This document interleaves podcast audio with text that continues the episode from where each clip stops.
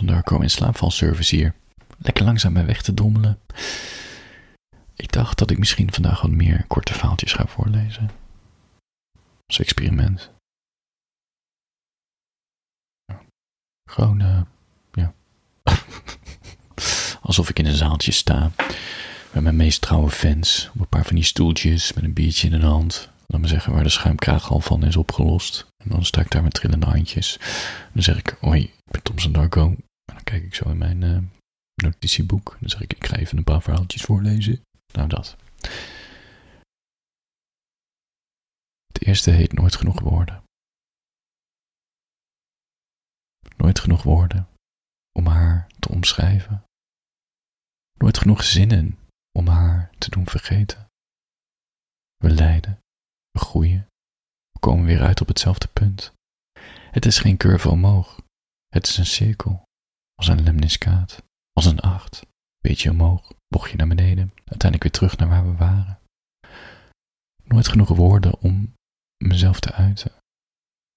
Nooit genoeg gedachten om mezelf te doen vergeten. We voelen, we herstellen, we komen weer uit, daar waar we al zijn geweest. Maar toch, net even anders. Hm, dankjewel voor luisteren. Voor je gaat slapen. Ik zit even naar deze tekst nog te kijken. Dat is een beetje ding met taal, hè? Taal beperkt ook. Taal is heel machtig en tegelijkertijd.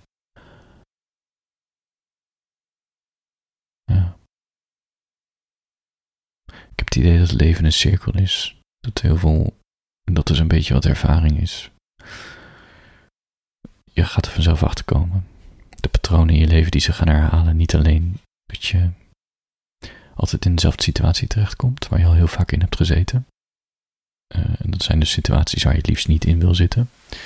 Dat komt omdat je blijkbaar elke keer hetzelfde gedrag vertoont. Maakt niet uit waar je bent of met wie je bent. Op de een of andere manier is daardoor, door je gedrag, het resultaat hetzelfde. En dat, uh, als je dat inziet, dan kan je dus de cirkel doorbreken.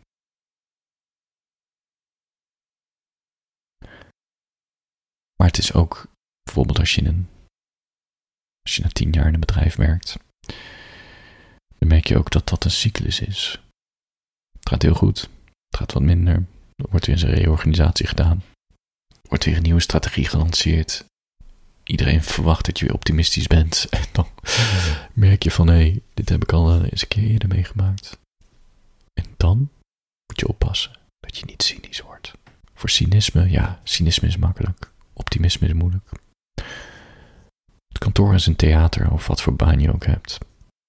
Ik hoop niet dat je cynisch wordt. Desnoods fake je optimisme, maar hoe erg je het er ook niet mee eens bent, probeer niet te veel mee te praten met die negatieve collega's. Het brengt je verder. Het maakt je werk ook wat luchtiger. Echt, dat is mijn advies. Neem het allemaal niet te serieus. Het is maar werk, het is maar een theater. Maak je niet één met je frustraties. Want die frustraties zullen nooit weggaan. Er gaan dingen altijd kut. En als je baas weggaat of je manager, dan komt er wel weer een ander. En ontstaan er weer nieuwe problemen. Er zullen altijd problemen zijn. Dat is wat je merkt als je ouder wordt. Problemen zijn ook cirkels. Het is je houding of je er heel veel last van gaat hebben of niet. Dat is alles waar je invloed op hebt. Goed. Voor je gaat slapen doe ik even nog een verhaaltje. Die heet De tijdelijkheid van het leven. Het zijn echt mini-verhaaltjes hoor. We leven om afscheid te nemen van mensen, om nieuwe contacten op te doen, om weer afscheid te nemen, of om ze gewoon te vergeten. Het is allemaal zo tijdelijk. Niets gaat vanzelf. Er valt zoveel te verspillen. Er is geen handleiding, geen boek die me zegt hoe te leven, hoe om te gaan met dit gekke gevoel dat we slechts leven om afscheid te nemen.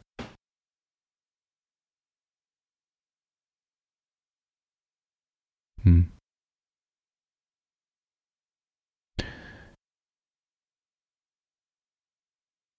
Ja, ik ben geen optimist, het spijt me. Ik ben ook geen pessimist per se.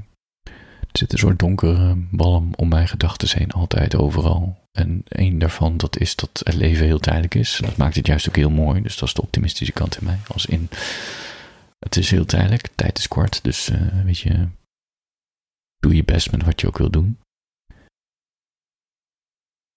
Tegelijkertijd is het leven heel lang, want we nemen best wel snel weer afscheid van mensen. Je ontmoet mensen en, en ze verdwijnen weer. En zo gaat dat, collega's. Vrienden, scharrels, geliefden, familie. Sommige mensen vergeet je gewoon. Soms gaat het met een ruzie. Ja. Maar het komt wel op neer dat we leven om afscheid te nemen.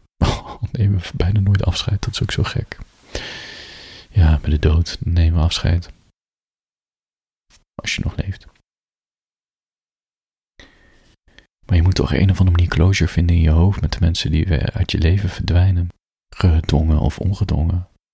Dus ja, we leven slechts om afscheid te nemen. Voor je gaat slapen. Doe ik nog even één, één mini-vaaltje, oké? Okay? Uno mas. Het heet Ik wil er maar één, degene die mij niet wil. Al die gebroken harten, al die onbeantwoorde liefdes. Ik wil niet wat ik kan krijgen. Ik verlang juist naar wat mij nauwelijks aandacht geeft. Ik ga niet voor het makkelijke, ik ga voor potentieel het meest pijnlijke, want als het lukt, oh, dan hoef ik met daarna waarschijnlijk niets anders meer. En als het weer mislukt, dan ga ik op in mijn pijn. Omdat ik de pijn aan kan, omdat die pijn nog heel vaak gaat komen in het leven, omdat mensen me altijd maar tijdelijk willen als ze me eindelijk zien staan. Als ze mij kunnen krijgen, kunnen ze ook anderen krijgen. Zij willen meer, niets missen. Ik ben niet zo ambitieus en verwend. Integendeel, ik wil er maar één. Degene die mij niet wil.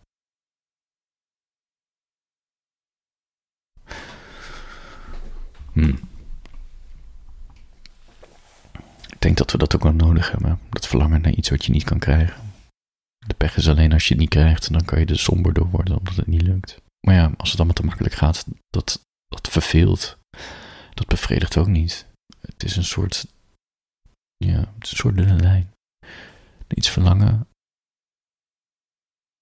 wat je net niet kan krijgen, maar het moet nog wel steeds mogelijk zijn. Ambitie, geliefde, geld.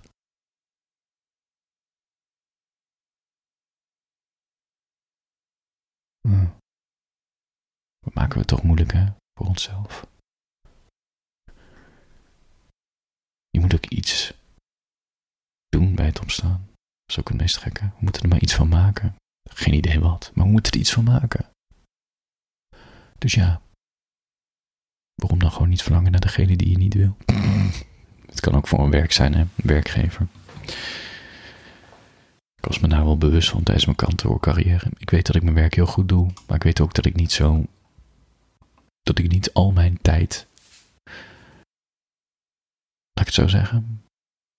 Ik was niet per se vijf voor vijf erg. Weet je, ik deed gewoon wat er van me gevraagd werd en wilde dingen goed afronden. Dus ik stond voor kwaliteit. Maar ik was niet per se iemand die dingen naar een hoger niveau wilde tillen. Ik had wel eigen ideetjes en zo, projectjes die ik lanceerde en daarmee onderscheid ik me van anderen. Maar het werk wat me gevraagd werd, ik voerde uit wat ze vroegen en niet meer, niet minder. Terwijl als je natuurlijk ambitie hebt, is dat een manier om te laten zien dat je veel in je mars hebt, wat je potentie is. Maar dat voelde ik nooit zo die energie liever gebruikte voor het schrijven en, en mijn blog en mijn social media, snap je? Ik was heel bewust van die energie. Omdat ik ook wist van hier ligt niet de bevrediging in mijn leven. Ik zou hogere functie, ik zou voor een senior kunnen gaan. Of een soort expertiserol of me ergens in, in, in, in specialiseren, zodat je zodat je on, on, onweersta, onweerstaanbaar wordt ja, een soort van onweerstaanbaar wordt. Weet je, dat je met heel veel geld overal ingehuurd kan worden. Dat was een carrièrepad die kon gaan. die je kon nemen. Of dat je denkt van ik, uh, ik specialiseer me in leidinggevende. Als je geen leidinggevende bent, kan je overal aan de slag. Ze zoeken overal wel managers en teamleiders. Maar nee, dat was niet wat ik wilde. Ik dacht, ja, dan ben ik het. Dan volgt weer die, dat gevoel van onrust. En een niet bevredigend gevoel. Ja, de corporate ladder beklimmen is nooit mijn ambitie geweest. Maar uiten, dat wel. En beter worden in, in, bloeden op papier. Dat is nog steeds wat me drijft. En ik denk dat dit me kan. Het is moeilijk om over de toekomst te praten, maar ik kan me niet zo goed voorstellen dat ik dit over 50 jaar niet doe. Wellicht een andere vorm, maar nou ja, boeien. Eens maar kijken of we over 50 jaar nog wel bestaan. Oh, donker Darko.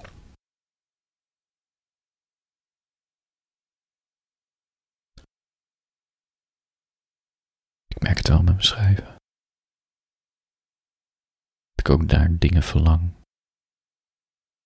Die heel moeilijk haalbaar zijn. Ik heb een doel. Die lees ik elke ochtend in mijn bullet journal. Ik ga hem ook niet zeggen. Maar het is waar ik naar streef. Een soort zinnetje.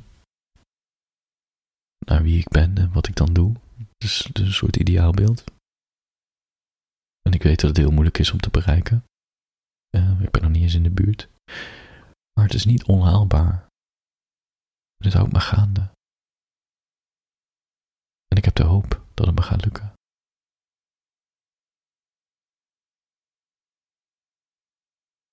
Voor je gaat slapen, boven de dekens.